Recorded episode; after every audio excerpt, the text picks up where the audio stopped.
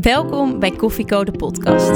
De podcast voor en door geneeskundestudenten. Waarbij wij, gewapend met een kop koffie, voor jou op pad gaan om interviews af te nemen met de leukste, interessantste en meest inspirerende artsen van Nederland. Dit is Koffieko. Hey Ko, ja wat doe je daar? Er staat een carrière voor je klaar. Maar je weet nog niet wat en waar. Een cappuccino maakt het minder zwaar. Dus zet je volumeknop omhoog.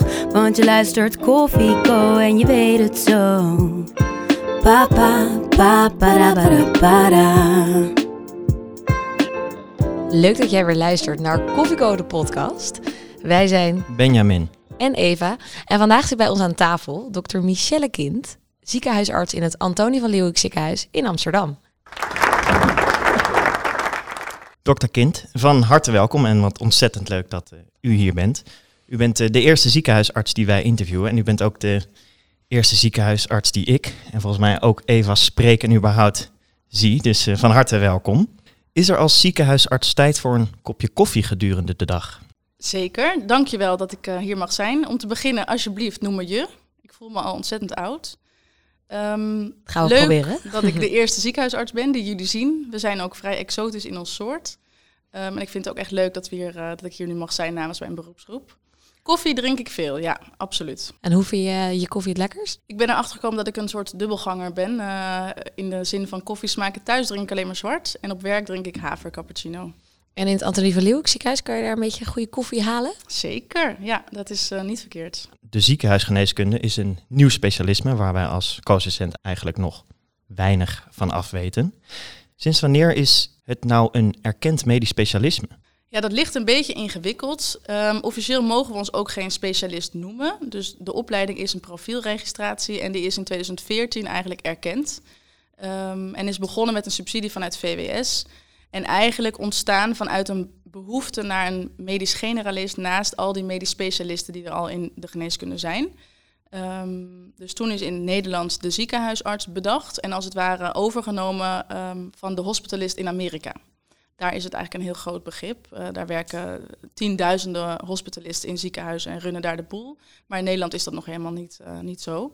Dus sinds 2014 zijn wij bezig om ook een beetje die slag te maken. En het doel is ook om eh, hetzelfde als in Amerika. Ik weet niet of we ooit op dat formaat gaan komen, maar het doel is wel om net als de SCH-artsen, want die zijn natuurlijk inmiddels gelukkig goed geaccepteerd en eh, breed erkend, maar dat heeft ook best wel een tijdje geduurd.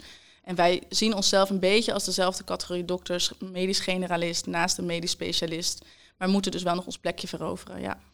We gaan hier zo verder op in. Het is super interessant om te horen eh, hoe jullie dan eh, jullie dagen vullen. Eh, maar dokter Kind, u bent ook ooit co-assistent geweest. Oh, je, sorry. Je bent ook ooit co-assistent geweest, zoals wij. Hoe heeft u deze tijd ervaren? Ik ben co-assistent geweest veel in de- het AMC, waar we nu hier ook zijn. Ehm, en die vraag had ik natuurlijk van tevoren al een beetje verwacht. Dus ik dacht, goh, even terugdenken. Ik was vooral heel erg braaf. Ik was echt heel gedisciplineerd en een brave co-assistent en wilde alles vooral heel erg goed doen. Ehm, ik heb één keer een tentamen niet in één keer gehaald. Eigenlijk gênant om te vertellen, maar dat was omdat ik toen een hersenschudding had. Ehm, en de rest deed ik gewoon altijd braaf wat ik moest doen. Op zich een goede reden. Ja, En was dat al vanaf het begin zo? Ja, dat denk ik wel, ja. Ja, ik nam het allemaal wel heel erg serieus en ik vond ook dat het allemaal heel serieus was. En ik voelde me ook direct heel erg verantwoordelijk voor je ene patiënt die je dan had. Of die ene patiënt in de poli-spreekkamer die je dan had. Dat was dan helemaal mijn patiënt, dus daar wilde ik ook alles voor doen, ja. En kon je dat werk dan, of de co-schappen, wel een beetje eh, achter je laten als je naar huis ging eh, aan het einde van de dag? Ja, ik heb nooit wakker gelegen of zo, maar ik, ik weet wel bijvoorbeeld nog mijn eerste overleden patiënt, kan ik nog heel goed herinneren. Ehm, ik weet ook nog wel dat ik op mijn verjaardag een keertje tot zeven uur, half acht gewoon in het ziekenhuis was hier. Omdat ik toen, was het een drukke vrijdag en voelde ik me net zo verantwoordelijk als de ANIOS en de AIOS waar ik mee werkte, ja. En hoe stelde jij je dan op als co-assistent? Ehm, wel bescheiden, nederig ook wel, onderdanig. Maar als ik ergens inging of me in vastbeet, dan deed ik dat ook wel. Dus dan, ik weet nog wel, ik deed de inwendige geneeskundige hier in het AMC. En dan nou, kwamen er natuurlijk tal van exotische ziektes voorbij. En dan had ik er ook eentje gevonden. En dan zei iedereen van, nee joh, Michelle, dat is het niet. Dan dacht ik, nou, zullen we nog wel eens zien. Dus dan ging ik alles uitzoeken. En dan was dat het niet natuurlijk, maar dat dacht ik dan wel. Waar lag dat dan aan? Ja, een soort, ehm, ja, vooral verantwoordelijkheidsgevoel. Ik dacht, ja, we moeten toch zeker weten dat dat het niet is voor die patiënt. Het ging me ook vaak niet zozeer om mezelf, maar meer voor die patiënt in dat bed of op de polykamer. Ik dacht, we moeten wel zeker weten dat we alles hebben afgevinkt. Lijkt me als patiënt niet vervelend om zo'n assistent om me heen te hebben. Dat weet ik niet. Wat was je leukste kooschap? Interne geneeskunde. Dat zeg je met volle overtuiging. Ja, dat was ook mijn eerste kooschap. En die heb ik dus hier in het AMC gedaan. En toen dacht ik, ja, dit is het gewoon. De hele dag over die afdeling heen rennen en hele zieke patiënten en met z'n allen in zo'n overdrachtsruimte. Uh, daar voelde ik me helemaal dokter. Ja, toen dacht ik, dit is, ik heb het goede gedaan. Ja. En, en wat maakte dan dat kooschap zo leuk? Ik denk, internisten haten dit als je dit zegt volgens mij, maar het puzzelen en het nadenken Um, en toch ook wel alle verschillende variaties die je hebt. Dus en de nefrologie, maar ook de infectieziekte. En nou, ga zo maar door. Dat je, dat je zoveel verschillende onderwerpen binnen één specialisme uh, aangeboden kreeg, vond ik heel mooi. En waar voelde jij je echt totaal niet op je gemak? Grappig genoeg was dat de chirurgie. Ik werk nu op de heelkundige afdeling, dus dat vind ik altijd vrij ironisch. Maar ja, dat was totaal buiten mijn comfortzone. En waarom was dat dan buiten de comfortzone? Ja, ik, ik ben geen chirurgisch type. Dus ook de, de OK nu nog steeds is niet, is niet mijn habitat. Mensen herkennen meteen dat ik er niet thuis hoor. Dat klopt dus ook. Um, ja, dus op de ene manier, ik voel me daar niet comfortabel. En dat maakt dan ook dat je dingen niet goed doet. Dus ik stond altijd in de weg en ik uh, nou, raakte dingen aan die steriel waren. En ik was natuurlijk niet steriel. En dus dat, dat versterkte elkaar een beetje. Ik heb altijd een beetje in mijn hoofd dat de ziekenhuisarts um, ja, de huisarts is van het ziekenhuis. Wat vond jij dan van je huisartsenkooschap? Vond ik ook heel erg leuk. Ja, dat vond ik echt. Uh, ik vond het heel leuk dat je uh, patiëntencontact opbouwt. Hè, dus dat je mensen leert kennen, dat je mensen terug kan bestellen als het ware. Uh, dat je vertrouwen opbouwt met elkaar.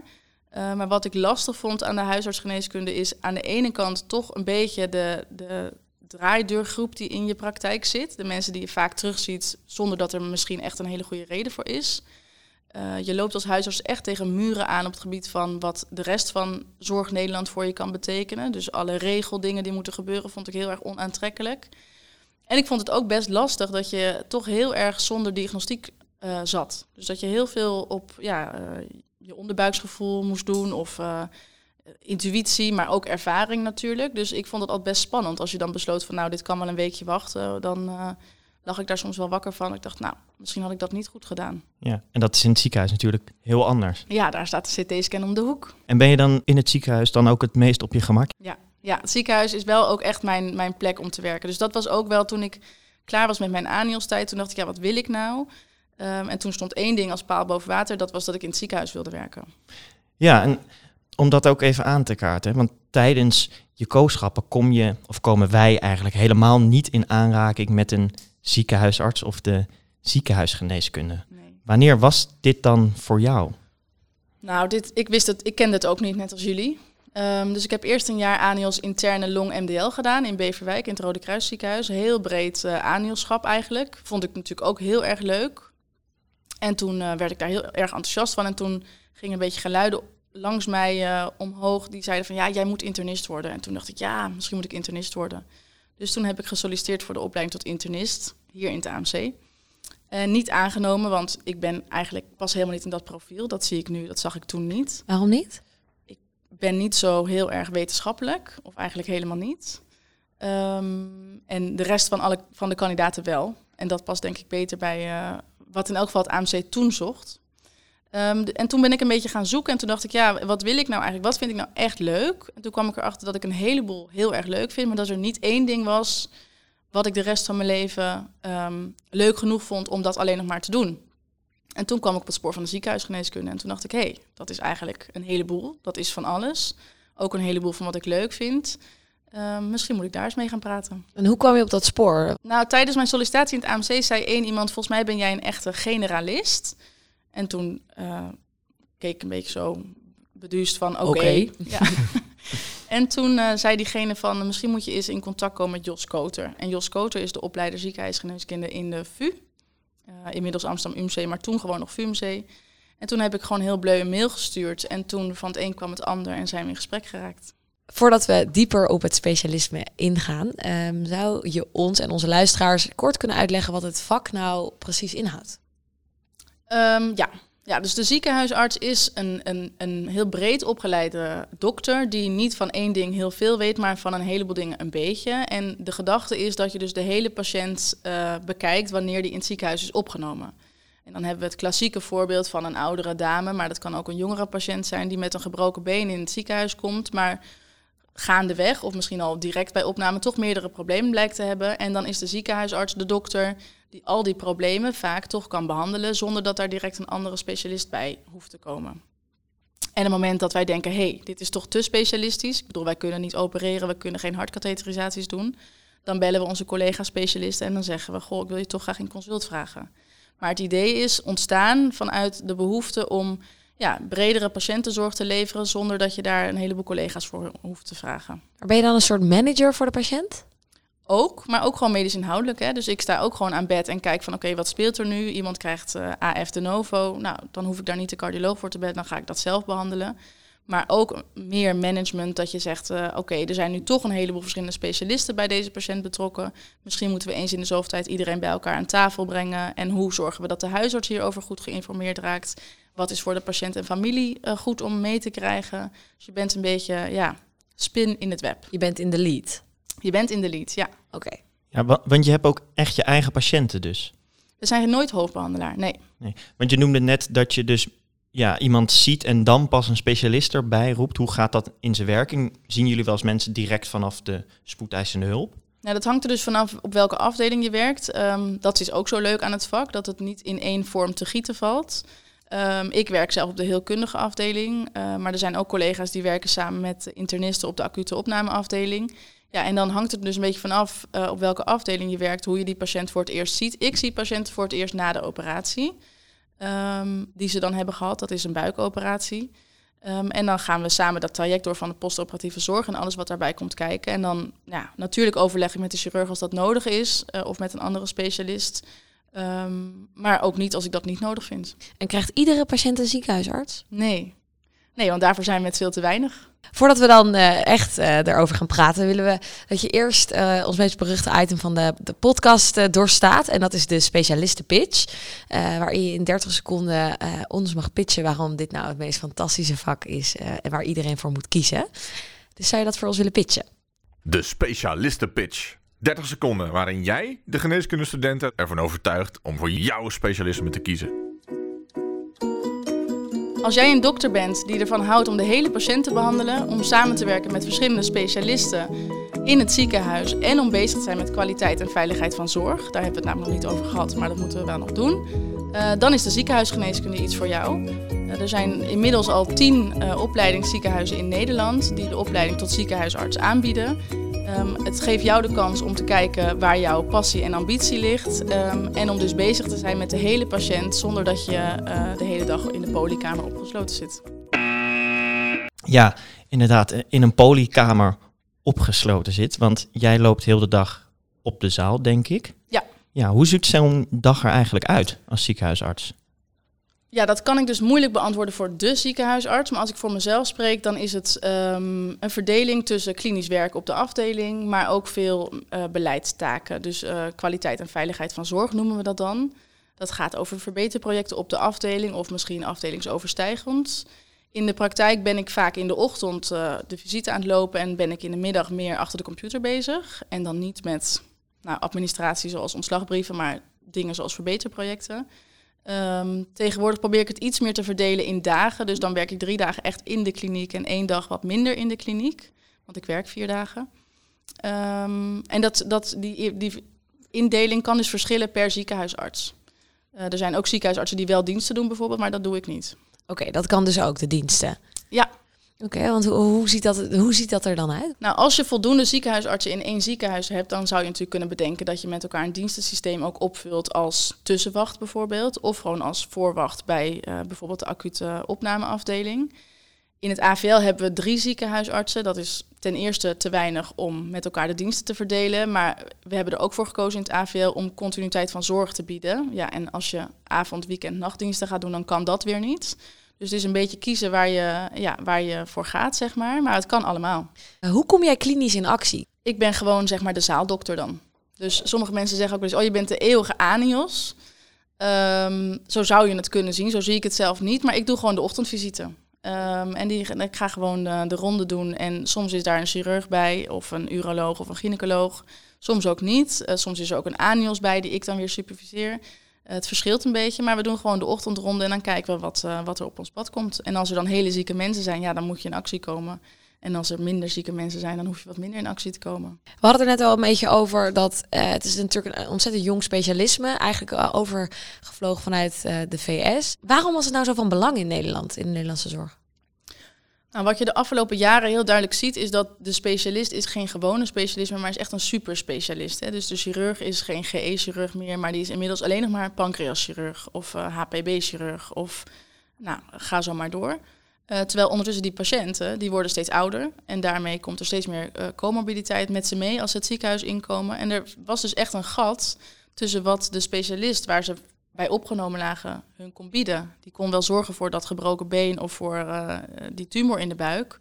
Maar al het andere wat bij die patiënt meekwam, dat viel een beetje in het uh, grote geheel. Want de internist die in het ziekenhuis werkt, is ook geen algemeen internist meer. Die is internist endocrinoloog of internist acute. Um, dus die specialisatie werd su superspecialisatie, wat denk ik heel goed is. Want dat maakt ook de, de zorg in Nederland heel kundig en heel hoog van kwaliteit. Um, maar de basisgeneeskunde, um, die viel een beetje weg. Terwijl die wel gewoon nog steeds bestaat. En dan zijn er natuurlijk stemmen die zeggen, ja, iedere dokter moet een diabetes kunnen behandelen. En ik denk dat als je dat aan een chirurg vraagt die misschien nu twee jaar klaar is met zijn opleiding, die kan dat ook. Um, een chirurg die al wat langer uh, klaar is met zijn opleiding, kan dat denk ik minder goed. En bovendien moet je afvragen of je dat ook wel van de mensen wil vragen. Je, je leidt iemand op tot een superspecialist, die wil je aan het werk zetten als superspecialist, dan moet je diegene daar ook de kans toe geven. En dat is dan in dit geval opereren. En dus niet op de afdeling kijken wat er allemaal nog meer uh, speelt. Dus het was echt nodig in Nederland? Wat mij betreft wel, ja. Maar wat ik nog niet begrijp is dan hoe dat voortvloeit in een nieuw specialisme of in een nieuwe opleiding. Want hoe ontstaat zoiets? Nou, er zijn een aantal internisten geweest die hebben gezegd van... goh, volgens mij eh, is er een gat wat gevuld moet worden. Hè? Dus dat, dat de algemene geneeskunde, uh, daar wordt nu onvoldoende naar gekeken. En die, die chirurg, of die internisten, excuus, die hebben met elkaar gezegd... we gaan gewoon een nieuwe opleiding starten. En die zijn met elkaar de opleiding tot ziekenhuisgeneeskunde vorm gaan geven. En de opleiding is dus ook vanuit de basis uh, heel internistisch. Het eerste jaar is alleen maar interne geneeskunde. Um, en daarna ga je verschillende stages lopen. Maar is dus echt bedoeld om een, een, een ja, generalist op te leiden die breed internistisch is opgeleid en vervolgens al die superspecialisten aan kan vullen. En is het dan echt een, een aanvulling voor de, voor de patiënt of is het een aanvulling voor eigenlijk de artsen die er rondlopen, voor beide? Allebei. Ja. Kijk, in de eerste plaats moet het natuurlijk altijd om de patiënt gaan. Want we, we, kennen allemaal wel dat plaatje van die patiënt in bed die misschien wat uh, ouder is en die inmiddels wel de vier of vijf verschillende specialisten om zich heen heeft staan. Niet allemaal tegelijk waarschijnlijk, maar gedurende de dag. Um, en dat is natuurlijk heel erg oncomfortabel. En het wil niet per se zeggen dat, dat, dat die specialisten uh, individueel van elkaar geen goede zorg leveren. Alleen voor die patiënt is het vaak versnipperd. Dus ik denk dat een generalist in het midden daarvan al heel erg prettig is. Maar ik denk dat het ook voor de specialisten heel prettig is dat er een collega is die, die werk uit handen neemt. Um, want het scheelt tijd. Ze hoeven niet te consulteren. Ze hoeven zelf daar niet over na te denken. Ze weten gewoon, er is iemand op de afdeling en die kan het aan. En jij bent dan werkzaam als ziekenhuisarts in het Antonie Verleeuw ziekenhuis. Je zei net ook al kort, mijn werkweek ziet er misschien anders uit dan in een ander ziekenhuis. Hoe verschilt dat van elkaar? En wat kan je verwachten als ziekenhuisarts in een, in een algemeen ziekenhuis? Nou, er zijn ziekenhuisartsen die werken niet eens in een ziekenhuis. Al zou je ondanks de naam anders doen verwachten. Maar die werken bijvoorbeeld in een revalidatiekliniek. Uh, maar er zijn ook ziekenhuisartsen die werken op uh, de acute opnameafdeling. Uh, er zijn een heleboel ziekenhuisartsen die werken op de heelkundige afdeling. Die zijn allemaal verschillend. Dus ik heb een collega in de VU die werkt op de hoofd-halschirurgie. eentje op de traumachirurgie en eentje op de GE-chirurgie. Um, er zijn ziekenhuisartsen die veel meer met beleid bezig zijn. Dus één collega werkt nu bij VWS. Um, dus het vak is heel divers in te vullen. Dus de patiënten zijn eigenlijk heel erg afhankelijk van waar je werkt, je ja. patiëntenpopulatie. Want hoe, hoe is jouw patiëntenpopulatie in het AVL?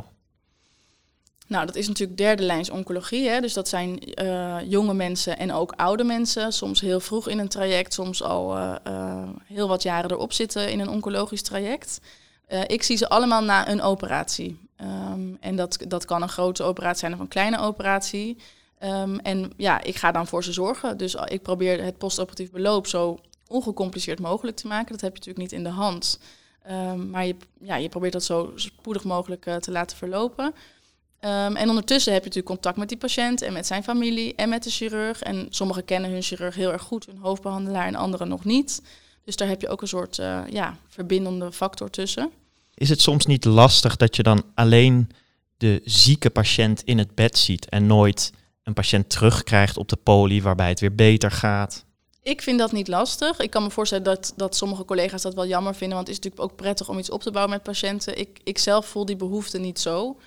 Um, misschien komt dat nog, want ja, dat is dus ook wel een, een, beetje wat mij heel erg aansprak toen ik hier aan begon. Dat ik denk, ja, ik kan het invullen zoals ik dat zelf graag wil. Toen ik begon in het AVL uh, was er nog geen ziekenhuisarts, dus toen was de, ja, kon ik helemaal de weg nog gaan plaveien, zeg maar. En ik denk dat als er nu zulke suggesties worden gedaan, dat ook het ziekenhuis daar best voor open zou staan. Dus het, het is niet in beton gegoten dat hoe het nu is, dat het voor altijd zo blijft. Um, dus misschien is dat nog wel iets voor de toekomst. Dus wie weet komt er ooit een ziekenhuisartsenpolie. Wie weet. Waar ik nog benieuwd naar was, want we hadden het net over de kwaliteit en veiligheid van de zorg. En daar ben je dus een groot gedeelte van de dag mee bezig als het niet over patiënten gaat. En je noemde een verbeterproject of projecten waar je mee bezig bent. Wat is een verbeterproject? Ja, goede vraag. Um, een verbeter. Kijk, kwaliteit en veiligheid van zorg is een, tegenwoordig een heel hip uh, begrip, wat denk ik heel goed is. Maar dat is niet iets wat, uh, wat alleen maar bestaat uit verbeterprojecten. Ik denk dat uh, iedere dokter de hele dag bezig zou moeten zijn met kwaliteit en veiligheid van zorg. Klinkt een beetje cliché en uitgekoud, maar het is natuurlijk wel zo. Maar als je het echt hebt over klinische verbeterprojecten, dan is dat bijvoorbeeld zoiets als de ontslagbrieven. Ik denk dat voor iedereen, co-assistent, ANIOS, AIOS, specialist, het een herkenbaar onderwerp is. Dat is altijd iets wat verbeterd kan worden en ook moet worden. Um, nou, en daar ben ik bijvoorbeeld de afgelopen anderhalf jaar ook mee bezig geweest. Om dat hele proces binnen zo'n afdeling uh, weer eens even kritisch te bekijken. En te kijken van, goh, wat gaat er goed? Maar vooral ook, wat kan er beter? En hoe gaan we dat dan doen? Um, en hoe ga je dat monitoren en toch weer opnieuw bijsturen als dat nodig is? En dat klinkt allemaal heel basic. En ik denk ook niet dat ik de enige ben die dat kan. Of dat een ziekenhuisarts de enige is die dat kan. Maar wij zijn wel de dokters die daar tijd voor krijgen. Soort consultant in het ziekenhuis. Ja, zo zou je het kunnen noemen. Want het, komen mensen dan naar jullie ook toe van wij, hebben, wij, wij lopen tegen iets aan, help ons hierbij? Ja. Ja, dus dat is nog iets wat, wat denk ik, uh, wat ik nog niet goed benoemd heb. Hè. Maar je bent op zo'n afdeling ben je de continue factor. Dus ik ben er vier dagen in de week. Inmiddels weet iedereen wel dat op de zesde etage, als er iets speelt, nou, dan komen ze naar mij toe. Dat is soms een beetje veel, maar het is veel ook prettig wel voor mij en voor, voor al die mensen om mij heen. Verpleegkundigen, fysiotherapeuten, diëtisten, maar ook uh, verpleegkundige teamleiders om gewoon één iemand te hebben waarvan je weet, nou, daar kan ik in ieder geval mee bespreken. Dat wil niet zeggen dat ik alles oppak en dat ik alles beter maak. Uh, maar er is in elk geval een soort verbinding tussen het hele uh, medisch team. Want het is natuurlijk niet alleen maar de dokters die voor een patiënt zorgen. Ja, ik kan me voorstellen dat je aan de managementkant van de zorg echt tegen heel veel deuren aanloopt. Hoe is dat? Als ziekenhuisarts bedoel je? Ja, ja meer de man managing kant van een ziekenhuisarts. Die kwaliteit van ja. de zorg waarborgen, zeg maar. Ja, dat is, dat is op zich wel heel grappig, want um, ik denk, dat vind ik ook heel jammer. Tijdens de kooschappen krijg je daar natuurlijk helemaal niks van mee. Uh, hoe de achterkant van de zorg, zo noem ik het altijd maar, eruit ziet en hoe dat uh, ja, eraan toe gaat. Um, dat is jammer en dat vind ik ook heel leuk dat, je, dat ik nu in mijn werk daar ook wel toegang toe heb. En dat ik ja, misschien nog niet heel veel in kan brengen en vooral ook veel zit te luisteren. Maar dat ik in ieder geval inzicht krijg in, oké, hoe gaan die beslissingen en, en wie nemen die dan en waarom dan en welke organen zijn daarbij betrokken. En, want dat is nog een hele wereld apart, zeg maar. Maar lopen er dan ook wel eens co-assistenten met jou mee eigenlijk? Ja, wij hebben eigenlijk altijd. Ja, mijn uh, afdeling bestaat uit drie specialismen. Dat is de urologie, de gynaecologie en de GE-chirurgie. En alle drie die specialismen hebben natuurlijk uh, uh, co-assistenten. Dat zijn wel alleen maar keuzekoos of semi-artsen. Mm -hmm. Um, dus dit moet op eigen initiatief bij het AVL terechtkomen. Maar we hebben eigenlijk altijd wel twee of drie co-assistenten, ja. En gaat er denk je een kooschap op ziekenhuisgeneeskunde komen? Dat zou natuurlijk superleuk zijn. Ja, alleen dan moet je dat wel kunnen waarborgen. En dan moet je kunnen zorgen dat iedereen die zich daarvoor aanmeldt ook een plekje krijgt. En dat is toch wel weer een beetje waar de schoen wringt. Want we zijn maar met een stuk of honderd in Nederland. En we zijn ook best wel verspreid. Um, dus ja, dat, dat maakt het dan weer lastig om eventuele co-assistent in de toekomst een plekje te bieden. En even over die opleiding, want ehm, de opleiding tot ziekenhuisarts, dat is eigenlijk ook een onderwerp waar wij weinig over weten, ook als co-assistenten weinig over meekrijgen. Ehm, kom je eigenlijk gemakkelijk in de opleiding?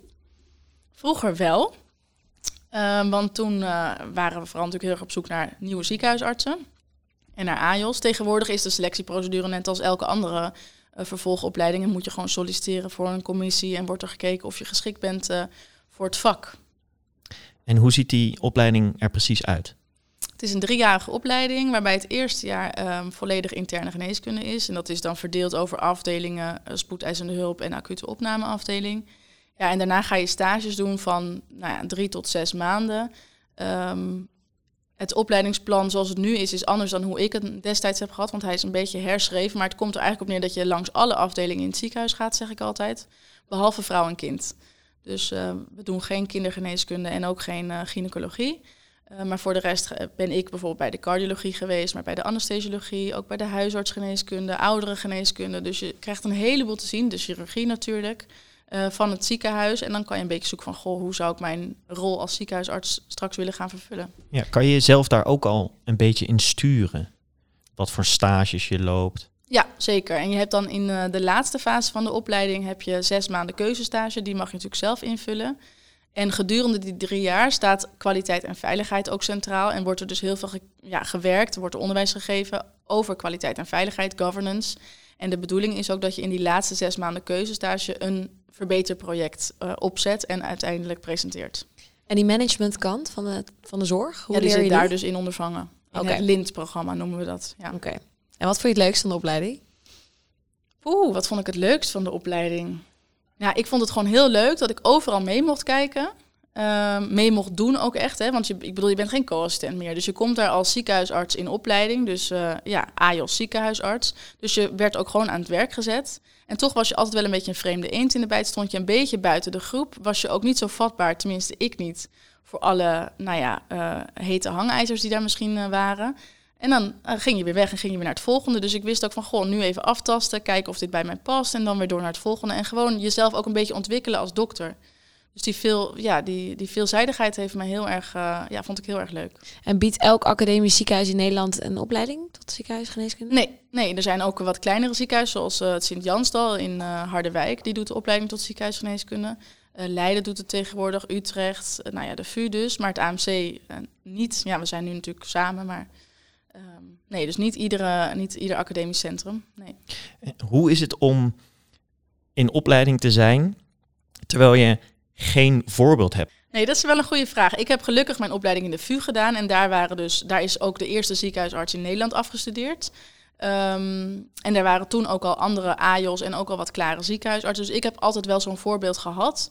Maar we horen nu ook wel veel terug van AJOS uit het land... die inderdaad geen voorbeeld hebben, dat het best wel heel ingewikkeld is. En daarom is het ook wel belangrijk dat we als beroepsgroep... zowel AJOS, maar ook klare ziekenhuisartsen veel contact hebben met elkaar. Want dan ja, kan je ook een beetje van elkaar horen van hoe, hoe ga jij hiermee om? Waar loop jij tegenaan? Hoe kunnen we elkaar helpen en versterken? Um, het mooie is ook dat dat LINT-programma, dus dat kwaliteit- en veiligheidsstuk, dat, dat wordt georganiseerd in cohorten. Dus daar doen alle AJOS van het hele land in hetzelfde cohort doen daaraan mee. Dus je hebt altijd wel een groepje waar je aansluiting bij kan vinden. Uh, maar het blijft pionieren. Ja. En als je dan eenmaal klaar bent na drie jaar met die opleiding, ben je ziekenhuisarts. Hoe ziet het dan eruit? Kom je snel aan een baan? Want er, ja, er is, wordt nu veel gesproken over de jonge klaren die het lastig hebben. Ja, nou in mijn geval is dat heel soepel gegaan. Ik merk ook dat er steeds meer vacatures komen in het land voor ziekenhuisartsen. Uh, op verschillende afdelingen, dus ook internistische afdelingen. De hematologie zoekt nu weer een ziekenhuisarts, om maar eens even te promoten. um, maar ik, ik denk dat de arbeidsmarkt voor ziekenhuisartsen eigenlijk wel beter is dan voor jonge klare specialisten. Um, omdat er ja, minder aanbod is van klare ziekenhuisartsen. Dus als er vraag is van een ziekenhuis en je solliciteert, dan heb je niet te maken met 16 medesollicitanten. Um, en dan gaat het erom dat je ja, natuurlijk uh, in het plaatje past. Maar als een ziekenhuis op zoek is naar een ziekenhuisarts, dan is dat best wel heel gunstig. En dat zijn er gelukkig steeds meer. En uit welk uh, hout moet je nou echt zijn gesneden om ziekenhuisarts te worden? Wat zijn de kenmerken, kenmerken die je moet bezitten? Nou, ik denk dat je in elk geval niet de ambitie moet hebben om een specialist te worden. Uh, want dat is uh, niet de bedoeling. Maar je moet vooral goed kunnen samenwerken. En je moet in staat, denk ik, ook zijn om die hele patiënt te zien en niet uh, toch die tunnelvisie te laten vangen, zeg maar. Um, dus je moet ja, goed kunnen communiceren, goed kunnen samenwerken, openstaan ook voor feedback die je krijgt van anderen in die zin dat het, ja, je moet ook een beetje in het plaatje van de anderen passen. Hè? Dus um, soms ook een beetje de kat uit de boom kijken, misschien een beetje tactisch spelen. Ja. En stel, je bent ziekenhuisarts en je merkt aan jezelf, ik vind die beleidsvoering of, of die, die veranderingen doorvoeren in de zorg nou zo leuk, echt leuker dan patiëntenzorg, of helemaal andersom. Is er dan ruimte om het een iets meer te laten voor het ander? Of zijn er bepaalde uren die je moet voldoen aan beide? Nee, dus voor je herregistratie bijvoorbeeld maakt het niet uit hoeveel uur je in verbetertrajecten hebt gestopt of in kwaliteit en veiligheid. Maar het gaat erom dat je zoveel uur hebt gewerkt als ziekenhuisarts.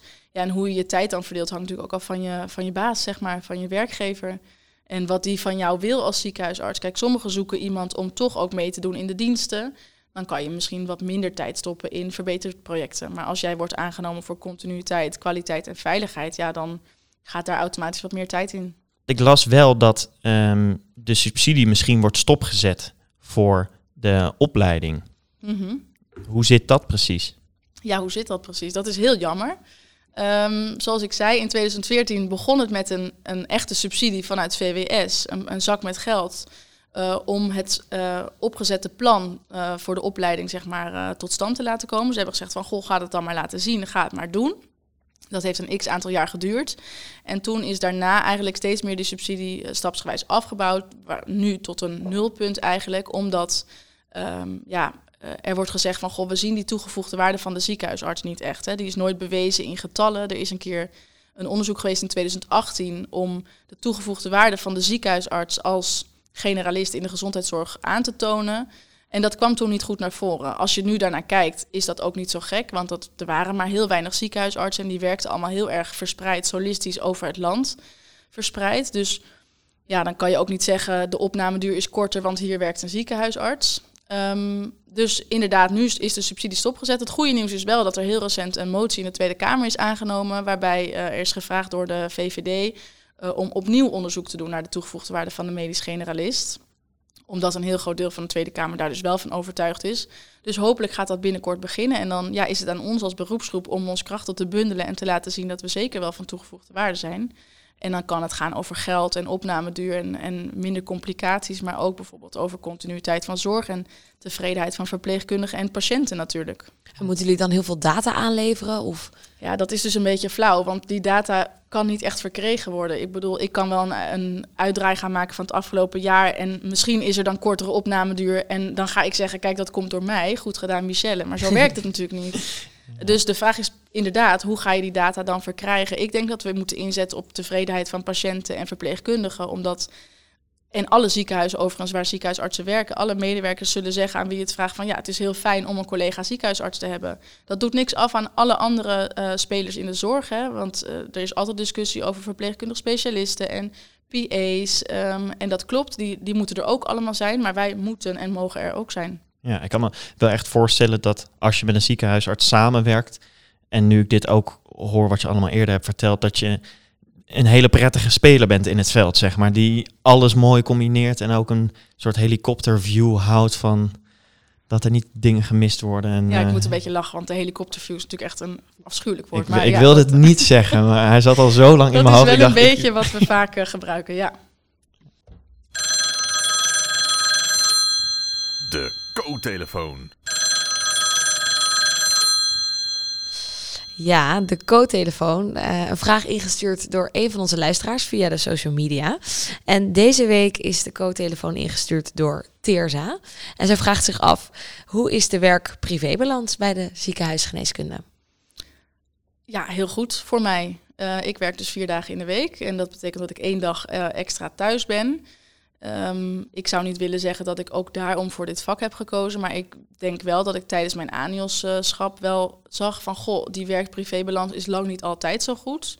Dus welke keuze ik dan ook ga maken, het moet er wel eentje zijn die past bij mijn leven ook over vijf jaar. Als ik niet meer anios ben, maar misschien inderdaad wel een gezin heb uh, en een echt huis met een echte hypotheek en echte kinderen waar ik nog tijd mee door wil brengen, dat soort dingen. Uh, dus dat heb ik wel mee laten spelen in mijn, in mijn beslissingen. En ik merk nu ook dat het heel goed te combineren valt. Ja. En in jouw doordeweekse dagen eh, op het werk, dan ben jij gewoon eh, om half acht zit je bij de overdracht? Of? half acht bij de overdracht. En dan eh, ja, is er natuurlijk altijd ook een middagoverdracht om vier uur. Ja, en dan afhankelijk van wat er dan nog af te ronden valt, rond je dat af. Ehm, maar ik ga nooit later dan zes uur het ziekenhuis uit. Als we een blik in de toekomst gaan werpen van het specialisme, want echt naar het verleden kijken is lastig bij zo'n vrij nieuw specialisme, Ehm, waarbij juist denk ik de toekomst heel interessant is. Hoe zie jij de toekomst van de ziekenhuisgeneeskunde voor je? Nou, ik hoop natuurlijk dat we worden opgenomen in de beschikbaarheidsbijdrage, zodat, het gewoon, zodat we echt een eh, nou ja, stabiel karakter krijgen eh, als opleiding. En dan zou het natuurlijk hartstikke mooi zijn als er per jaar gewoon eh, nou, misschien eh, 50 ziekenhuisartsen bijkomen. En dat we langzaamaan gaan groeien tot een grote groep van klare ziekenhuisartsen die zich ook kunnen gaan verenigen.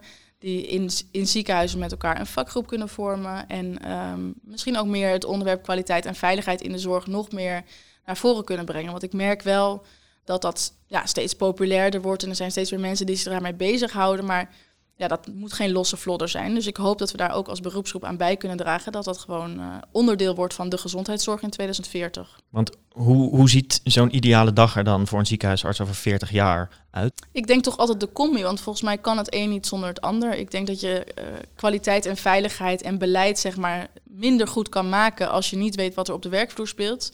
En aan de andere kant heb je de werkvloer, dat is waar je kwaliteit en veiligheid ook toepast. Dus eh, het, het een kan niet zonder het ander bestaan. Dus ik denk altijd die combi van op de afdeling en achter je bureau. Hoe voelt het om een van de eerste ziekenhuisartsen te zijn? Of althans aan het begin te staan van zo'n toekomst van een specialisme? Nou, als je het zo vertelt, is het natuurlijk hartstikke spannend. Dan denk je, oh leuk, we gaan ervoor. Maar de realiteit is natuurlijk wel wat eh, weerbarstiger. En dat is in het dagelijks leven ook zo. Soms denk ik, oh, waar zijn we mee bezig? En dan de volgende dag denk ik, oh, we hebben zo'n mooi vak. Hier moeten we echt mee door. En we gaan eh, de media opzoeken. En iedereen moet weten hoe tof dit is. Dus het eh, heeft ups en downs. Maar eh, ja, dat wist ik ook toen ik hier aan begon. Dus ik denk ook dat ik, dat, dat bij mij past. Je, kan dragen eh, zoveel je kan, denk ik. Ehm, ja, dus eigenlijk ben ik gewoon heel trots op mijn vak. Is het vak hoe het er nu uitziet toekomstbestendig of zou je er iets aan veranderen? Nee, het vak is toekomstbestendig, absoluut. En eh, zeker ook met die patiënten die ouder worden, die steeds zieker worden in multimorbiditeit en comorbiditeit, denk ik dat de, de vraag naar ziekenhuisartsen alleen maar meer zal worden. De vraag is of er dan ziekenhuisartsen zullen zijn die oh, daar antwoord op kunnen geven. Welke ontwikkelingen zitten er aan te komen? Nou, we zijn nu heel erg bezig als beroepsgroep met die beschikbaarheidsbijdrage en eh, gewoon eh, de opleiding zeg maar een beetje bestendig maken. En als dat is gebeurd, ik weet niet precies wanneer, we hopen, ja, we houden allemaal een beetje ons adem in, dus het moet wel een beetje snel gaan gebeuren. Ehm, ja, dan kunnen we weer ademhalen en dan gaan we ons op de toekomst richten. Ja, laten we hopen dat dat helemaal goed komt, want dat verdienen jullie denk ik als ziekenhuisarts. Ehm, ja, we willen eigenlijk ook nog wat meer weten over jou. En daarvoor hebben wij het doktersdilemma bedacht. Het doktersdilemma. Het leven bestaat soms uit lastige keuzes. Denk niet te lang na en geef snel antwoord. Radiologie of interne? Interne, Maatschappelijk werker of verpleegkundige? verpleegkundige, Thuis of in het ziekenhuis? thuis, Generalist of specialist? generalist. Elke maand 10.000 euro of in één keer 1 miljoen? In één keer 1 miljoen. Naar het buitenland verhuizen om te werken of de Veluwe? De Veluwe. Na een drukke dag toch een maaltijd koken of bestellen? Bestellen. Op vakantie naar de zon of naar de sneeuw? Zon. Sportief of creatief? Sportief. Dat miljoen? Wat zou je ermee doen? Weet ik niet, maar ik ben heel goed in geld uitgeven. Dus ehm, ja, ik denk dat ik daar wel mee uit de voeten kom. ja, en eh, waar geef je het dan uit? Kleren, vakanties? Ja, allemaal. Kleren, vakanties, eten, spullen voor in huis. eh, ja, noem het maar op. Ja. En je, je twijfelde tussen thuis of ziekenhuis. Ja, omdat ik dacht voor werk of als persoon. Maar als persoon natuurlijk thuis. En voor werk ziekenhuis. En wat, hoe ontspan je, Michelle?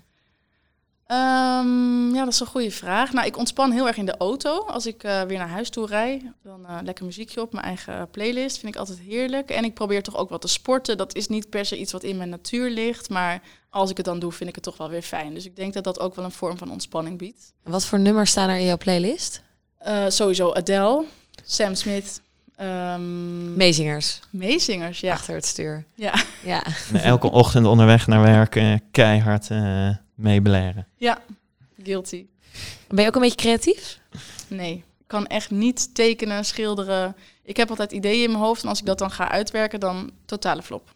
Maar en creatief, je, heb je toch een beetje nodig als ziekenhuisarts om uh, veranderingen door te kunnen zetten. Creatief denken misschien, ja. Maar dat is iets anders dan creatief handelen. Maar uh, ik kan wel creatief denken. Ik ben heel erg wel oplossingsgericht. Dus als er problemen zijn, dan ga ik meteen troubleshooten. Um, ja. En je zei dat je liever op de Veluwe zou werken dan in het buitenland. Zou je niet uh, toch die status van hospitalist in uh, Amerika willen meemaken? Ik geloof niet dat ik in Amerika zou kunnen wonen. Dus de status van hospitalist, maar dan misschien op de Veluwe. Dat is dan een leuke combinatie. dat is een mooie combinatie van beide, ja. En waar ben je nou echt te vinden als jij uh, niet door de gangen van het Antonie van Leeuwenhoek ziekenhuis loopt? Nou, ook op de Veluwe. Daar hebben we een uh, staakerven, dus daar zit ik vaak. Kijk, wat een toeval. Ja, het is, uh, kan geen toeval zijn. Ja, nee, dus daar ontspan ik ook. Um, dus daar gaan we vaak in de weekenden naartoe. En uh, over het algemeen uh, uh, thuis is ook gewoon heerlijk in de tuin een beetje relaxen. En is dat ontspannen bij die staakerven? Is dat dan gewoon liggen en zonnen of een boek lezen? Of hoe moet ik dat voor me zien? Nou, dat, dat is zeg maar als je het hebt over toekomstperspectief. want dat, dat is wel waar ik naartoe wil. Maar momenteel zijn er nog wat jonge kinderen bij betrokken. Dus het is nu vooral zorgen dat zij kunnen ontspannen. Want dan kan ik ook ontspannen. Wij eindigen het interview altijd met een laatste tip voor de co-assistenten en de jonge dokters die luisteren. Wat zou jij onze luisteraars willen meegeven? Ja, ik heb lang nagedacht, maar ik, ik werk in dagelijkse praktijk ook met uh, heel veel ANIOS samen. En wat ik toch zie, um, is dat het moeilijk kiezen is. Dus mijn tip zou toch gewoon zijn, durf iets te kiezen. Ik denk niet dat je het verkeerd kan doen. Uh, volgens mij, als je leuke collega's hebt in een leuk ziekenhuis, dan is je werk sowieso wel leuk. Dus als je denkt, volgens mij past dit bij me, ga er gewoon voor en kies iets. Want die keuzestress, dat levert vaak toch wel heel veel uh, nou, stress op. Oké, okay, hele goede tip. Iets kiezen. Ik denk dat we daar allemaal wel wat van kunnen leren. Ja. Um, ja, we zijn bij het einde gekomen van dit interview. Uh, dank je dat je vandaag te gast wilde zijn bij Koffiecode Podcast. En alle luisteraars ook bedankt voor het luisteren. Volg ons op alle social media kanalen en luister, uh, luister Koffiecode onder andere op Spotify en de Apple Podcast. En laat een recensie achter als je het leuk vindt. En dan zien we je de volgende keer bij uh, Koffiecode Podcast. Ba, ba, ba,